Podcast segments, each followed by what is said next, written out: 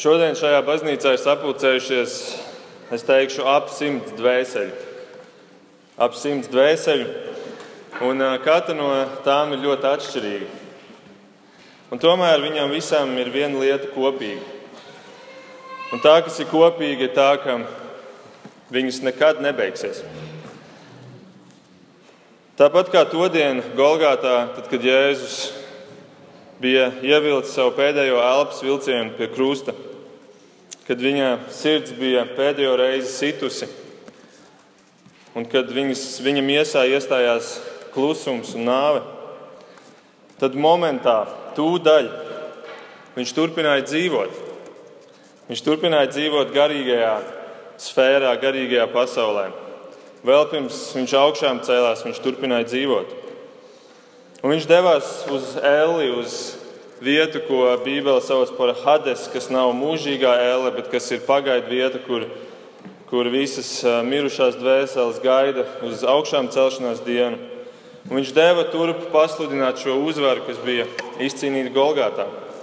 Un tātad mēs redzam, Jēzus turpina savu misiju pat tad, kad viņš ir izpildījis savu misiju šeit virs zemes un ir nomiris pie krusta, tā kā Dievs to bija paredzējis. Jēzus dzīve turpinās. Jēzus dvēsele turpina savas gaitas, un tāpat būs ar šīm simts dvēselēm, kas ir šodien šeit. Ka reiz šīs dvēseles pabeigs šīs dzīves ceļu un turpinās savu ceļu tūdaļ momentāli. Un tā būs ar visām dvēselēm, kas šodien ir šeit Rīgā, kas ir Latvijā. Visas tās sirdis, kas šodien šajā pasaulē pukst, tās visas ir mūžīgas. Un visas šīs dvēseles dosies ceļā uz divām vietām, par kurām Bībele runā. Par divām vietām, par kurām runāt šodien ir nepopulāri. Protams, par Eli runāt ir nepopulāri, Bet patiesībā arī par debesīm runāt ir nepopulāri, jo lielākā daļa kristiešu labprātāk ilgāk palikt šeit. Vismaz tāds ir, tāds ir, tāda ir tā sajūta, un tāpēc mums varbūt arī par debesīm nemaz tik ļoti negribās domāt. Bet būs šīs divas plūsmas, kuras dosies katra savā virzienā. Un tad ir tas jautājums, ar ko atšķirās šīs divas plūsmas? Kāpēc ir divi ceļi, Kāpēc viena dosies pa kreisi, otra dosies pa labi? Kas ir tas, kas nošķir viņus? Un, protams, kāds teiks, ticība Jēzum.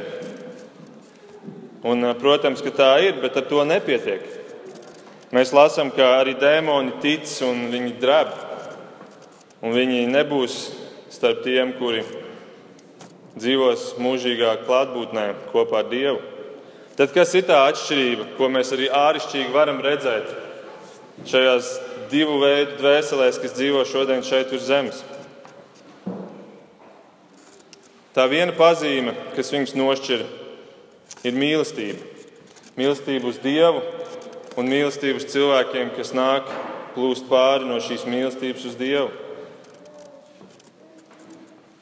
Un visi cilvēki ir iedalāmi divās kategorijās. Bībele ir ļoti melnbalta, un viņi nerunā par daudziem pelēkiem krāsu toņiem, bet Bībele ir ļoti melnbalta. Viņa saka, piemēram, 5. mūzika 7. No 9. panta mēs lasām, ka un zini, ka kungs tavs dievs ir dievs, uzticams dievs, kas uz tūkstošu paudzēm tur savu derību un žēlastību tiem, kas viņu mīl un kas tur viņa baušļus, bet atmaksā tiem, kas viņu nīst. Te mēs redzam, vieni cilvēki mīl, otri cilvēki nīst. Nīšana ir mīlestības trūkums. Un tad mēs redzam, ka gal galā viss ir ap un par mīlestību. Mīlestība ir tās lielās iekavas, kas apņem visu pārējo, kas šajā pasaulē ir labs un svētīgs. Un gal galā viss ir par mīlestību, un to mēs arī redzam šodienas rakstvietām. Šodienas raksturvieta atklāja šo pašu patiesību.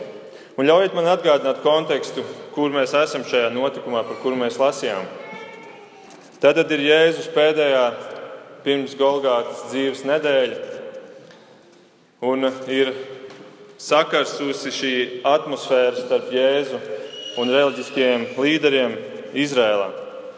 Un tā nu mēs redzējām, ka nāca farizēji, kuri mēģināja iegāzt Jēzu ar nodokļu jautājumu. Un beigās viņi izgāzās, viņa nodoms izgāzās, jo Jēzus tik gudri bija atbildējis. Pēc tam nāca saduķēji, cita reliģiskā grupa, un mēģināja ielikt, eh, izveidot lamatas jautājumā par augšām celšanos. Un arī tur mēs redzam, kā Jēzus šīs lamatas nojauca. Un tad šodienas tekstā mēs redzam, ka šie farizēji un rakstu mācītāji sanāk kopā, sapulcējas un izlēma, ka ir jāveic pēdējais mēģinājums.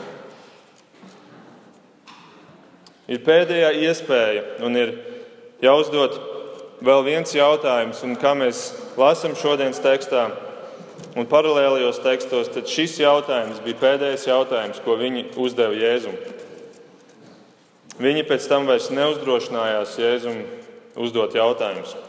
Tātad pēdējā iespēja pierādīt, ka Jēzus ir viltus pravietis, ka viņš māca svešu mācību. Un tādēļ viņi sūta, kā te teikts, ir likuma zinātāji.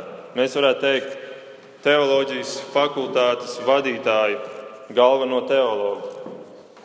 Viņi izvēlās cilvēku, kurš ir mācīts dieva likumā, bauslībā. Un tad nu, viņš nāk un uzdod Jēzum šo jautājumu: kurš ir galvenais bauslis, kurš ir augstākais bauslis? Kurš ir nozīmīgākais bauslis?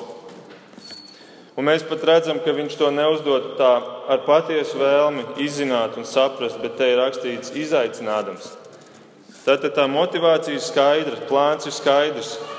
Mums ir jādabū no Jēzus atbildi, ka viņš pasaka kaut ko, kas nesaskan ar vecās derības likumu kaut ko jaunu, kaut ko uz sevi vērstu, kaut ko ķecerīgu, kaut ko, kur mēs varam pierādīt visiem, visai tautai, kas ir sapulcējusies šajā brīdī viņam apkārt, un parādīt, ka viņš ir viltus pravietis. Bet ko Jēzus dara? Viņš atbild ar mūzu. Viņš atbild ar to, ko teicis ir Mūzes. Mūzis, kas ir jūdiem galvenais varonis, tas cilvēks, kurš ir redzējis Dievu pats ar savām acīm, tas cilvēks, kurš tika izredzēts, lai vestu Izraēlu ārā no šīs verdzības gūsta Eģiptē. Tas vīrs, kurš saņēma bauslību pats no Dieva, lai nodotu savai tautai. Un tas teksts, ko Jēzus šeit citē, Tas ir eh, tas augtais šamā teksts, kas ebreju valodā nozīmē klausies. Un tas ir 5. mūzes 6. nodaļā minētais teksts, kur viņš saka, klausies, Izraēla. Tev būs mīlēt savu Dievu ar visu savu sirdi, prātu, dvēseli. Šis šamā teksts ir tas, kas jūdiem, ortodoksiem jūdiem bija divas reizes dienā jāskaita. Viņiem bija jāapstājās, jāaptur savas dzīves um, ikdienas darbi, un viņiem bija jāskaita šis teksts no vecās derības. Tad mēs redzam, Jēzus atbild ar viņu pašu reliģijas kodolu. Viņš pasaka tieši to, ko viņi negribēja dzirdēt. Viņš pasaka to, kas ir vecās derības pats pamats ka ir viens dievs, un tādēļ, ka ir viens dievs, nevis daudz dievu, tādēļ tu visu savu mīlestību vari koncentrēt uz viņu. Un tad viņš pievieno šo otro daļu no trešā mūzes grāmatas, kur viņš saka, mīli savu tuvāko kā sev pašu, kas arī bija dots likums. Un tā ir tā šodienas pavēle, par ko mēs vēlamies domāt. Šie abi baušļi ir pamatā Dieva likumam, kā mēs šeit dzirdam no Jēzus. Dieva likums, jeb bauslība, apkopojot, sastāv no četriem vertikāliem baušļiem un sešiem horizontāliem. Tie vertikālie ir tie, kas runā par manām attiecībām ar Dievu, un tie horizontālie ir tie, kas runā par manām attiecībām ar līdzcilvēkiem. Un šīs abas pavēles ir pašas lielākās pavēles, un ja mēs paņemam mūsu svētdienas sēriju ar mūsu 30 pavēlēm, tad mēs varam teikt, ka šīs divas ir tās galvenās, šī ir tā kulminācija.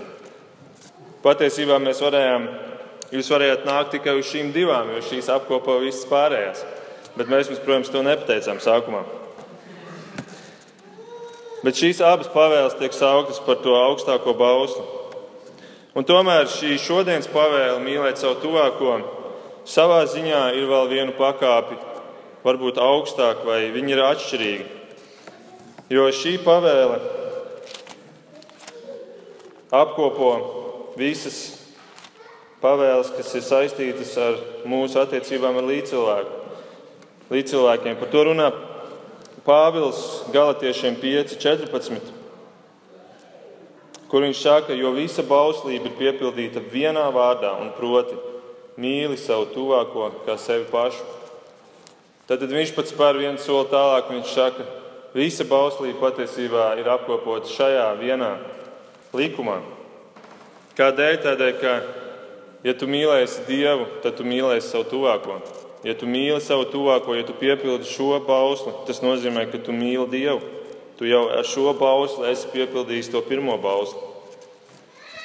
Un Jāekabs savā vēstulē pat šo bausli, šo mīli savu tuvāko, nosauc par ķēnišķo bauslību. Angliski Royal Law. Tas ķēnišķais bauslis. Jo, ja tu mīli, tad tev nevajag vairs likumu. Mīlestība apklāja likumu. Bet tad paskatīsimies, ko nozīmē šodienas šī pavēle. Ko viņa patiesībā nozīmē. Kaut arī viņa ir ļoti vienkārša, ļoti skaidra, šķietami. Tomēr viņa ir ļoti, ļoti radikāla. Viņa ir tik radikāla, ka interpretācijas ir tik daudzas bijušas, ko teologi dod. Vieni saka, ka Jēzus šeit iestājas par sociālo taisnīgumu, ka mums ir jāierauga cita vajadzības un, un, un tās jāpild, un ka tā ir tā galvenā doma šeit. Citi saka, ka šeit ir runa par ētisku likumu, par morālu likumu. Citi saka, ka te ir runa par laipnību, par iecietību, par, par empātiju pret tiem cilvēkiem, kas mums ir apkārt. Un, protams, par to visu arī šeit ir runa. Tomēr vai tā ir tā galvenā doma, ko Jēzus šeit vēlās pateikt?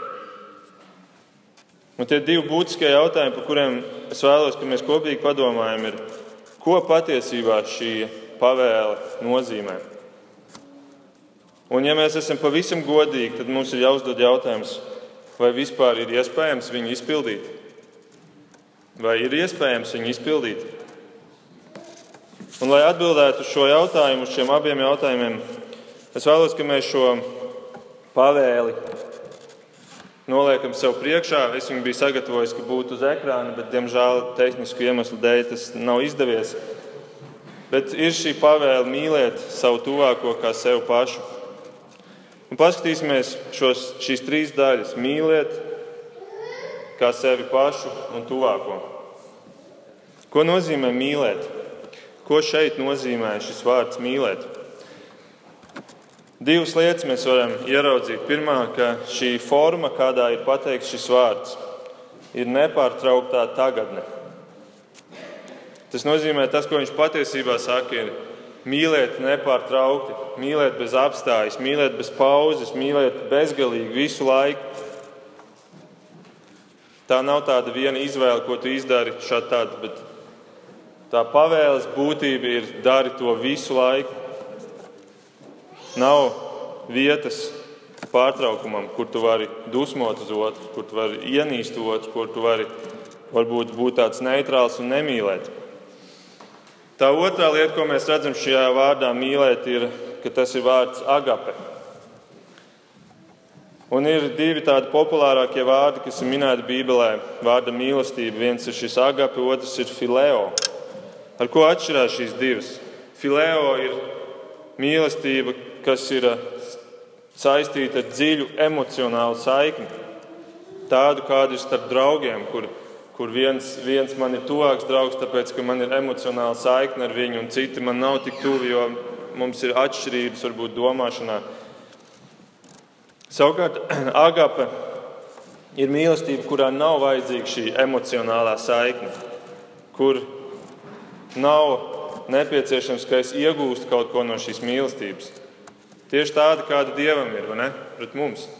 Vai Dievs kaut ko iegūst no mūsu mīlestības? Mēs esam tik nepilnīgi. Dievs mūs mīl ar pilnīgu mīlestību, kaut arī Viņš neiegūst to pretī no mums. Tad tu vari mīlēt ar agapu mīlestību savus ienaidniekus, bet tu nevari ar fileo mīlestību mīlēt ienaidniekus. Tāpēc, ka ienaidnieki tev nedos pretī emocionālu ieguvumu. Un tātad tas, ko mēs varam šeit izsecināt, ir, ka šī mīlestība, ko Jēzus šeit šajā pavēlē saka, viņai ir jābūt bez nosacījumiem. Lielais teologs Džeims Inels Pakers, kuram nu jau ir pārpa 90 gadu, viņš raksta šādi.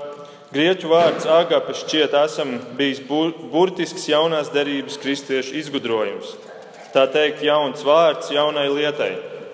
Šī mīlestības forma ir vairāk par gribu nekā par sajūtām. Jo kristiešiem ir jāmīl pat tie, kuri viņiem nepatīk. Tā ir pats pamata elements līdzībai Kristum. Citādi beigas. Satunies. Tātad, var sakot, mīli ar visu savu gribu, mīli nepārtraukti un mīli bez nosacījumiem. Tā ir šī pirmā daļa šai pavēlē. Paskatīsimies uz trešo daļu. Ko nozīmē kā sevi pašu? Kāds man ir teicis, ka es uzzināju, ka tu esi pabeidzis pirmo gimnāziju, un tagad man ir skaidrs, kādēļ tev patīk tik ļoti ietēpt visu vienmēr tādos skaitļos un, un parādīt ar cipariem. Un tā arī ir. Es arī tagad vēlos, ka mēs padomājam par skaitļiem šajā sakrā. Ko nozīmē mīlēt kā sevi pašu? Ko nozīmē kā sevi pašu? Kā mēs varētu to izteikt skaitliskā formā? Ja es, piemēram, saviem dēliem saku, Joēl, no šīs konfekšu paciņas tev ir jādod Rūbenam tikpat kā sev pašam. Ko tas nozīmē? Tas nozīmē, ka es patiesībā saku sadalu uz pusēm, vai ne? 50 uz 50. Tagad uzņem sev, tā dod arī otram. Un tā ir interesanta doma, ja mēs tā padomājam. Jo mēs šo varam attiecināt uz visām dzīves jomām. Un tas mūs ievada tādā nepatīkamā, varbūt, mm, stāvoklī. Piemēram, paņemsim laiku. Cik laiku tu velti sev, tikpat laiku tev vajadzētu veltīt citiem cilvēkiem. Cik laiku tu velti guļot, mazgājoties, cik laiku tu velti darbā. Pēc būtības tev varbūt ir jāpāriet uz puslodes darbu, lai tu vari pārējo pusi laika veltīt citiem. Vai paņemsim naudas jautājumu? Vēl kutelīgāks jautājums. Iedomājieties, katram no mums virs galvas būtu redzams tāds cipars, cik ir jūsu alga, ko jūs ieņemat mēnesī, ko jūs iegūstat, nopelnat mēnesī. Un tad šī alga būtu jāsadala divās daļās, un puse no tās jums vajadzētu katru mēnesi dažādos veidos, bet tomēr dot citiem. Vai tā ir? Labā ziņa ir tā, ka Dievs savā ziņā ir parūpējies par to, ka mēs jau to darām, jo ir, ja mēs tiekam aicināti dot desmito tiesu, kas ir savā ziņā došana draudzē, došana tuvākiem. Un jā, došana arī nodokļos, jo arī tur mēs dodam naudu citiem. Vēl jautājums, piemēram, par ērtībām, kas man ir. Mana māja, mans dzīvoklis, mana mašīna. Varbūt arī pat mani nākotnes plāni, izglītība, varbūt pat laulība. Jautājums ir, vai es to, ko es esmu sev ieplānojis, vai, es, vai man šeit būtu jādod puse prom. Ričards Vunbrants ir skaisti parādījis, ko nozīmē tāda patiesa mīlestība no tādas viltus mīlestības. Viņš raksta, mīlestības valoda un pavedināšanas valoda ir vienādas. Tas, kurš vēlas meiteni par sievu, un tas, kurš vēlas viņu tikai uz vienu nakti, abi saka, es tevi mīlu.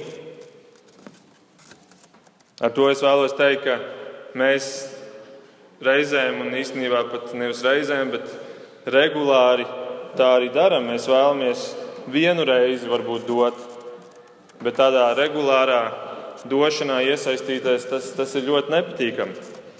Un te es runāju gan par naudu, gan par laiku, ko tu veltīji lūgšanās, gan par visu pārējo, kam tu vari veltīt laiku.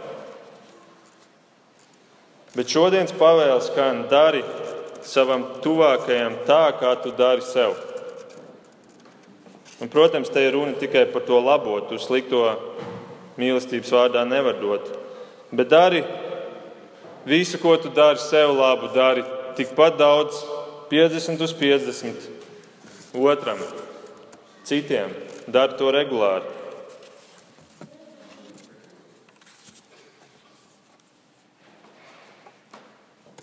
Tātad mīli un mīli sevi kā mīli tu, tuvāko kā sevi pašu. Paliek tikai vēl pēdējais jautājums, tad kurš ir mans tuvākais? Kurš man šādā veidā būtu jāmīl? Kurš man būtu jāmīl nepārtraukti, bez nosacījumiem, dodot visu uz pusēm vismaz? Kurš tad ir šis tuvākais? Protams, pirmkārt, tā ir mana ģimene. Pirmā Timoteja 5 ir teikts, ka tas, kurš nerūpējas par savu ģimeni, ir ļaunāks nekā kas, nekā bezdievs. Protams, tā ir mana ģimene, tā ir mana sieva. Bet savā ziņā mana sieva, varētu teikt, ir esmu es. Tā ir jau daļa, kur es varētu teikt, vai viņa ir man tuvākā, vai viņa varbūt ir tā pati kategorija, kur esmu es. Un tomēr mēs redzam, cik daudz problēmas ir ģimenēs, laulībās, kur cilvēki šajā vistuvākajā dārziņā, neskatoties uz tiem pārējiem, kas būs, par kuriem es minēšu, bet šajā tuvākajā jau nespēja sadalīt.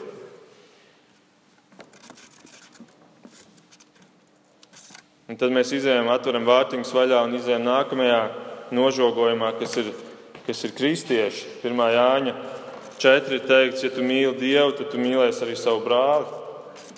Tātad mans tuvākais ir tie kristieši, kuri man ir apkārt draudzē. Un savā ziņā šos varbūt divus vēl ir tā nu, viegli mīlēt. Bet mēs atveram vārtiņus, izējām trešajā nožogojumā, jau lielākā. Un, Un trešā mūža grāmatā, tajā pašā nodaļā, kurā ir dota pavēle mīlēt savu tuvāko, ir pavēle mīli svešinieku kā sevi pašu. Mīli svešinieku kā sevi pašu. Un šodienas tekstā, ko Raimons lasīja no Mateja 25. šajā līdzībā, Jēzus saka, jūs mani uzņēmāt kā svešinieku. Arī tur viņš piemin šo svešinieku, un tad, tad jau tas viss kļūst tāds nesatverams. Kā es varu mīlēt nepārtraukti, bez nosacījumiem, dalot uz pusēm visu ar svešinieku? Cik ievainojams tas kļūst? Bet, ziniet, ir vēl vieni vārtiņi, un tie izved uz ceturto aploku. Un, un tas ir tas, ko mēs zinām un redzam no, no Jēzus līdzības par žēlsirdīgo samarieti, kur pienāk arī viens likuma zinātājs Jēzum un uzdod tieši šo jautājumu: kurš tad ir mans tuvākais? Kurš ir mans tuvākais? Un viņš to sāka arī gribēdams attaisnoties, kā mēs lasām. Un tad Jēzus viņam atbild ar šo līdzību par žēlsirdīgo samarieti. Un kas bija samariešu jūdiem? Tie bija reliģiski ienaidnieki. Reliģiski ienaidnieki. Samarieši bija pretīgi jūdu acīs, jo viņi bija tie, kur bija sapratinājušies ar pagāniem un, un sajaukuši jūdu asinis ar nešķīstajām pagānu asinīm. Un tāpēc viņi nedrīkstēja nākt templī un pielūgt dievu. Viņi, viņi bija izstumti un viņi bija Izraēlas teritorijā pa vidu geogrāfiski, un, un tāpēc Izraēla un jūdi gāja no ziemeļiem uz dienvidiem ar lielu aploku. Viņiem bija divreiz jāšķērso Jardānas upelei, lai tikai neiet šajā nešķīstajā pagānu teritorijā.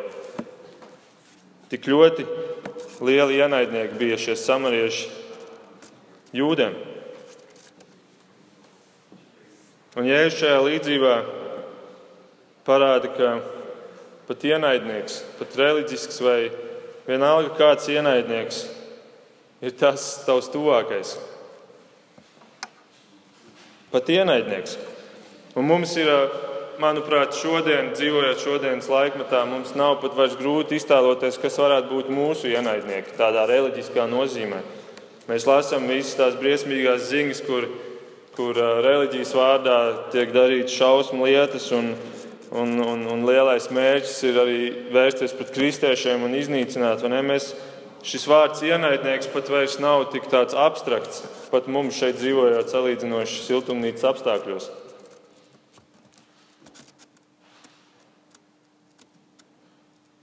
Un tad jautājums ir, ko, kā mēs varam izskaidrot šo pavēli? Mīli savu tuvāko, kas ir ne tikai tava ģimene, ne tikai kristieši, ne tikai svešinieki, bet pat ienaidnieki. Mīli viņus nepārtraukti, bez nosacījumiem, ar gribu mīlēt, nevis tikai tāpēc, ka tas varētu nest tev emocionālu labumu. Mīli kā sevi pašu, tas nozīmē dāli ar viņiem visu, kas tev ir, un pat ar ienaidnieku. Es ceru, ka mēs esam atbildējuši uz jautājumu, ko nozīmē šī pavēle. Ja mēs viņu paņemam un sadalām pa šīm daļām un apskatāmies, ko viņi nozīmē, bet tad paliek jautājums, to visu zinot, vai tiešām ir iespējams to izpildīt? Ja mēs redzam šo nozīmi, vai ir iespējams to izpildīt? Un, ziniet, es savai sievai teicu, ka šī svētkruna, ko, ko es esmu šodien gatavojis, tā ir viena no grūtākajām, kas man ir bijusi jāgatavo. Jo ir tik viegli šajā tekstā izvēlēties to banālo ceļu un, un teikt, ka Jēzus šeit māca mīlēt stiprāk, mīlēt vairāk, vairāk laiku veltīt otram. Dot kādus tādus desmit praktiskus punktus, kuriem iziet cauri. Bet tas nav, tā nav tā Jēzus doma šim, šai pavēlē šodien. Jo jautājums ir, vai tu to vispār vari izpildīt. Kad mēs paskatāmies uz šo pavēli, es vēlos, ka mēs redzam, ka, ka Jēzus mērķis visās šajās līdzībās un sarunās, kur viņš ir šo atbildi devis, Visur tas mērķis ir bijis parādīt, cik neiespējami ir to izdarīt. Cik neiespējami ir to izdarīt. Un tad ieraudzīt caur to, cik augsti ir Dieva standarti. Ka tas ir Dieva likums. Un Dievs ne tikai prasa to pildīt, lai mēs būtu izpildījuši šo likumu, bet no tā, vai mēs viņu izpildām, tā nav tikai tāda tāds vēlamais likums. No šī likuma ir atkarīga, atkarīgs jautājums, vai cilvēks dzīvos mūžībā ar Dievu. Tas ir tik nopietns jautājums. Šeit ir runa par augstāko pavēlu, augstāko likumu, augstāko bausli. Bauslis nebija dots tikai, lai cilvēki varētu labāk dzīvot un sakārtotāk dzīvot. Bauslis noteica to, vai tu dzīvos mūžībā ar Dievu. Un tāpēc tā galvenā jēga šodienas pavēlē ir nonākt pie secinājuma, ka tas ir pilnīgi neiespējami to izpildīt. Un tagad, kad mēs stāvam pie šīs pavēles, tad cilvēks var nākt ar trīs reakcijām.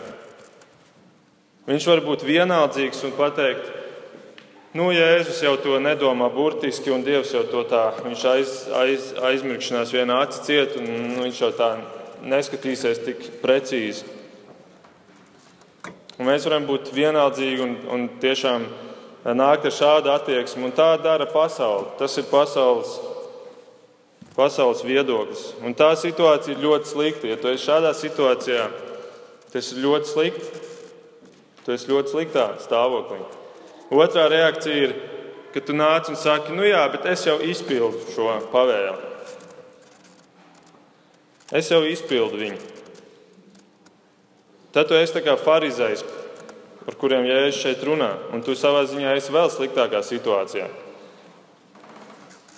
Un varbūt daļa kristiešu arī tādā situācijā ir, ka viņiem ir sajūta, ka nu, es jau to izpildu un es varu, es varu bezrūpīgi pieiet šim jautājumam. Un trešā reakcija ir, ka tu, ka tu nokrīti ceļos, sit sev pa krūtīm un saki, esi man grēciniekam žēlīgs, man pretīgajam skopulim, kurš ne tikai neizpilda šo likumu, bet neizpilda to nekad, nevienu reizi nav izpildījis, nevienu dienu nav nodzīvojis pildot šo likumu. Un tad tu saproti, cik tas ir ļoti nopietni, ka tas ir likums, kas ir jāizpilda, lai tu varētu būt mūžībā ar Dievu. Tas ir tas, ko mēs tajā Mateja 25 līdzībā redzējām par šīm avīm un šiem āžiem. Tā ir tā pazīme, kas beigās parāda, kuri ir vienā pusē un kuri ir otrā pusē. Šīs pavēles izpildi ir nepieciešama glābšanai. Un es šeit nemācu glābšanu no darbiem, Bet es mācu to, ka dieva likumi nav doti kā tāda opcionāla izvēles iespēja. Likums ir dots glābšanai, un visas Jēzus ap 40 līdzības, kuras viņš dod Bībelē, viņas visas ir par glābšanas tēmu. Neviena nav par sociālo taisnīgumu, laipnību vai, vai kādu iecietības celšanu mūsu sabiedriskajā dzīvēm. Un, ziniet, ja es nekad neesmu jūtis grēka apziņu, un es tomēr esmu baznīcā gadiem ilgi, un varbūt es vakarā eju gulēt, un es pat īsti nezinu, ko nožēlot, kāda grēka ir. Es esmu salīdzinoši labs cilvēks. Tad atcerieties šo pavēli, cik ļoti tu viņu neizpildi. Cik ļoti mēs katrs grēkojam un katru dienu grēkojam, nepildot šo pavēli. Tātad Jēzus mērķis visās šajās sarunās, arī šodienas farizējiem atbildot, ir pateikt, farizēji, tu esi, tu esi ļoti lielās nepatikšanās. Un kamēr tu to neatzīsi, kamēr tu neatzīsi, ka tu šo likumu nevari izpildīt, tikmēr tu esi pazudis un nekas tev nespēja glābt. Un tu esi atkārtots likuma pārkāpējs, un tu savā ziņā līdz ar to esi noziedznieks Dieva acīs. Tu to dari atkal un atkal, katru dienu no jauna. Jautājums ir, vai tu to redzi, vai tu to saproti. Un, ja tu to saproti, un ja tu to nožēlo, tad tu saņem šo Kristus taisnību, jo Viņš vienīgais izpildīs šo likumu, kuru Viņš šodien mums ir devis. Viņš vienīgais ir mīlējis nepārtraukti, mīlējis bez nosacījumiem, mīlējis ne tikai savus tuvākos, bet ienaidniekus. Viņš ir devis savu dzīvi vairāk kā pusi, nevis tikai se, uz sevi, bet ir devis un dzīvojis citiem cilvēkiem. Viņš ir tas, kurš ir izpildījis šo likumu vienīgais. Un 2. korintiešiem 5.21 mēs lasām viņu, Kristu, kas grēku nepazina. Viņš mūsu dēļ padarīja par grēku, lai mēs viņā taptu par Dieva taisnību.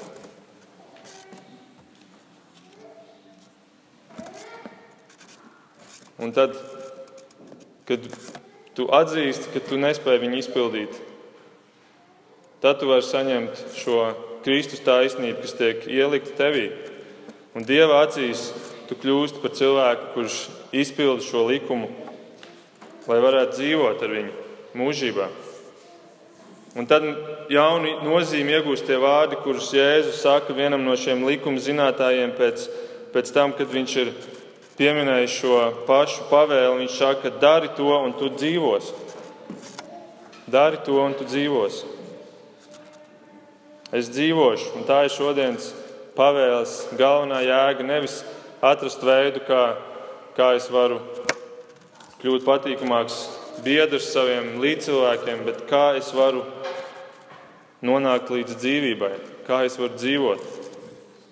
Kāds teiks, varbūt Nu, labi, bet ja mēs esam jau kristieši un mēs esam saņēmuši šo taisnību, tad es jau viņu varu vairs nepildīt. Es šo likumu tāpat nevaru izpildīt, un tad jau nav jēgas vairs pildīt. Atbildi ir nē. ja tu esi saņēmis šo pilnīgo Dieva mīlestību, tad tas, ko tu darīsi, un tev pat īsti nav izvēles, tu vienkārši to darīsi. Tu sāksi reflektēt šo Dieva pilnīgo mīlestību uz apkārtējiem cilvēkiem. Un tavs uzdevums ir tīrīt savu spoguli, lai šī Dieva dotā gaisma var spīdēt apkārtējiem cilvēkiem. Efeziešiem 5, 1 un 2. Pāvils raksta, būdami, būdami Dieva mīļotie bērni, tātad būdami tie, kas ir saņēmuši šo Dieva mīlestību un taisnību. Dariet tāpat kā Viņš un dzīvojiet mīlestībā. Dariet tāpat kā Viņš. Tas nozīmē reflektējiet to, ko Viņš ir jums devis.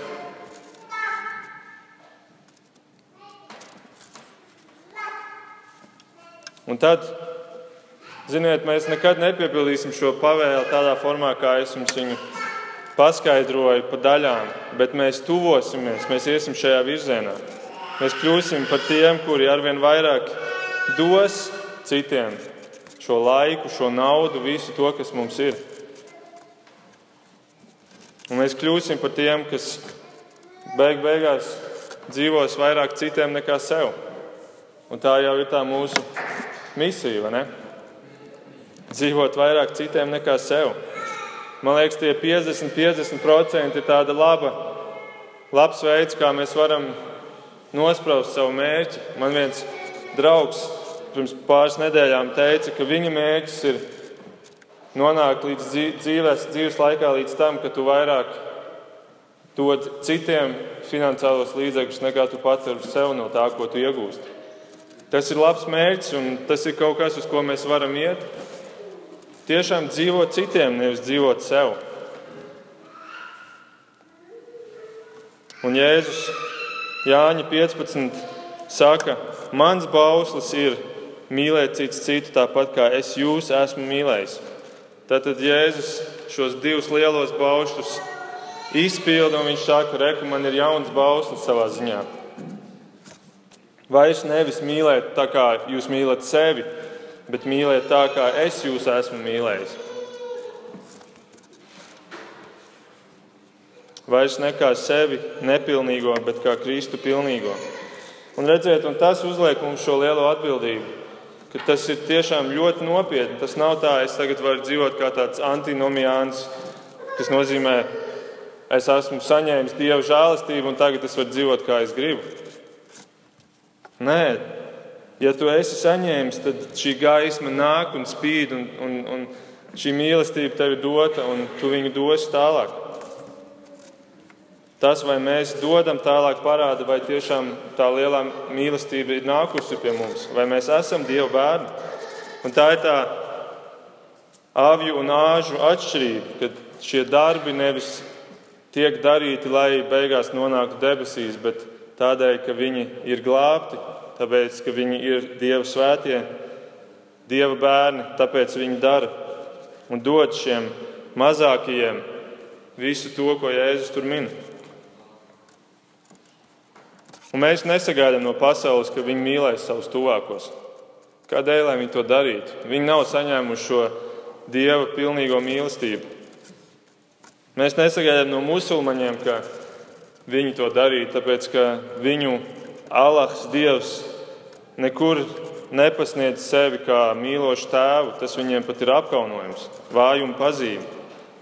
Nekur viņiem nav dota pavēle mīlēt tuvāko kā sevi pašu. Bet mums, kristiešiem, ir dota šī pavēle. Un romiešiem pieci mēs lasām, ka Dieva mīlestība caur svēto garu ir ielieta mūsu sirdīs. Tātad mums ir dota šī mīlestība, viņi ir mūsos. Viņi ir kā resursi. Un ļaujiet man noslēgt ar īsu stāstu. Īsu stāstu par kādu ubagu, kuram sēžot ceļu malā, garām devās Aleksandrs Lielais. Viņš bija, šis ubags bija ļoti nabadzīgs un ļoti nožēlojami paskata. Un tāpēc viņam nebija nekādu iespēju celt prasību šim valdniekam. Viņam nebija pat iespēju pacelt savu roku viņš pat tik cienīgs nebija. Un tomēr šis imperators pameta viņam zelta monētas.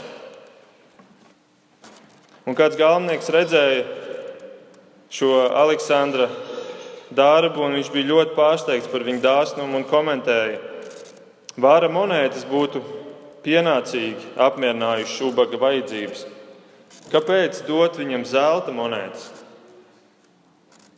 Aleksandrs atbildēja ķēnišķā manierē. Vāra monētas atbilst ubaga vajadzībām, bet zelta monētas atbilst Aleksandra došanai. Un tas ir labs paraugs arī mums, kuri esam ķēnišķīgi bērni. Mēs esam darīti par ķēniņu bērniem, žēlastībā. Un, uh, mums ir dots viss šis resurss, un jautājums ir, vai mēs vēlamies to dot tālāk saviem tuvākajiem, kas ir mums apkārt. Lūksim Dievu!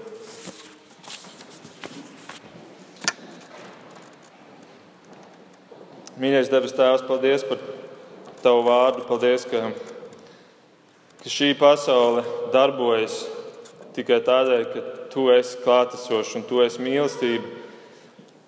Un, ja nebūtu mīlestības, tad, tad mēs nebūtu spējuši piedzimt, mūsu vecāki mūs nebūtu mīlējuši. Un, ja mēs būtu tomēr piedzimuši, mēs nebūtu izdzīvojuši savai bērnībai cauri, jo apkārt nebūtu mīlestības cilvēkos.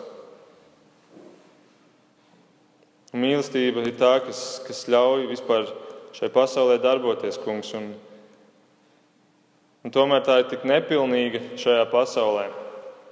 Un tikai tur, kur tu esi, tā kļūst pilnīga. Un paldies, Kungs, ka tu mums esi devis šo mīlestību. Paldies, ka mums viņa ir pieejama, un paldies, ka mēs viņu varam dot apkārt, un paldies, ka ir vajadzība apkārt mums šai mīlestībai, mūsu tuvāko dzīvēm. Mēs vēlamies to atstarot to dot tālāk tiem arī, kuri, kuri vēl to nav ieraudzījuši un saņēmuši. Lūdzu, palīdzi mums uz to. To mēs lūdzam Jēzus vārdā. Āmen!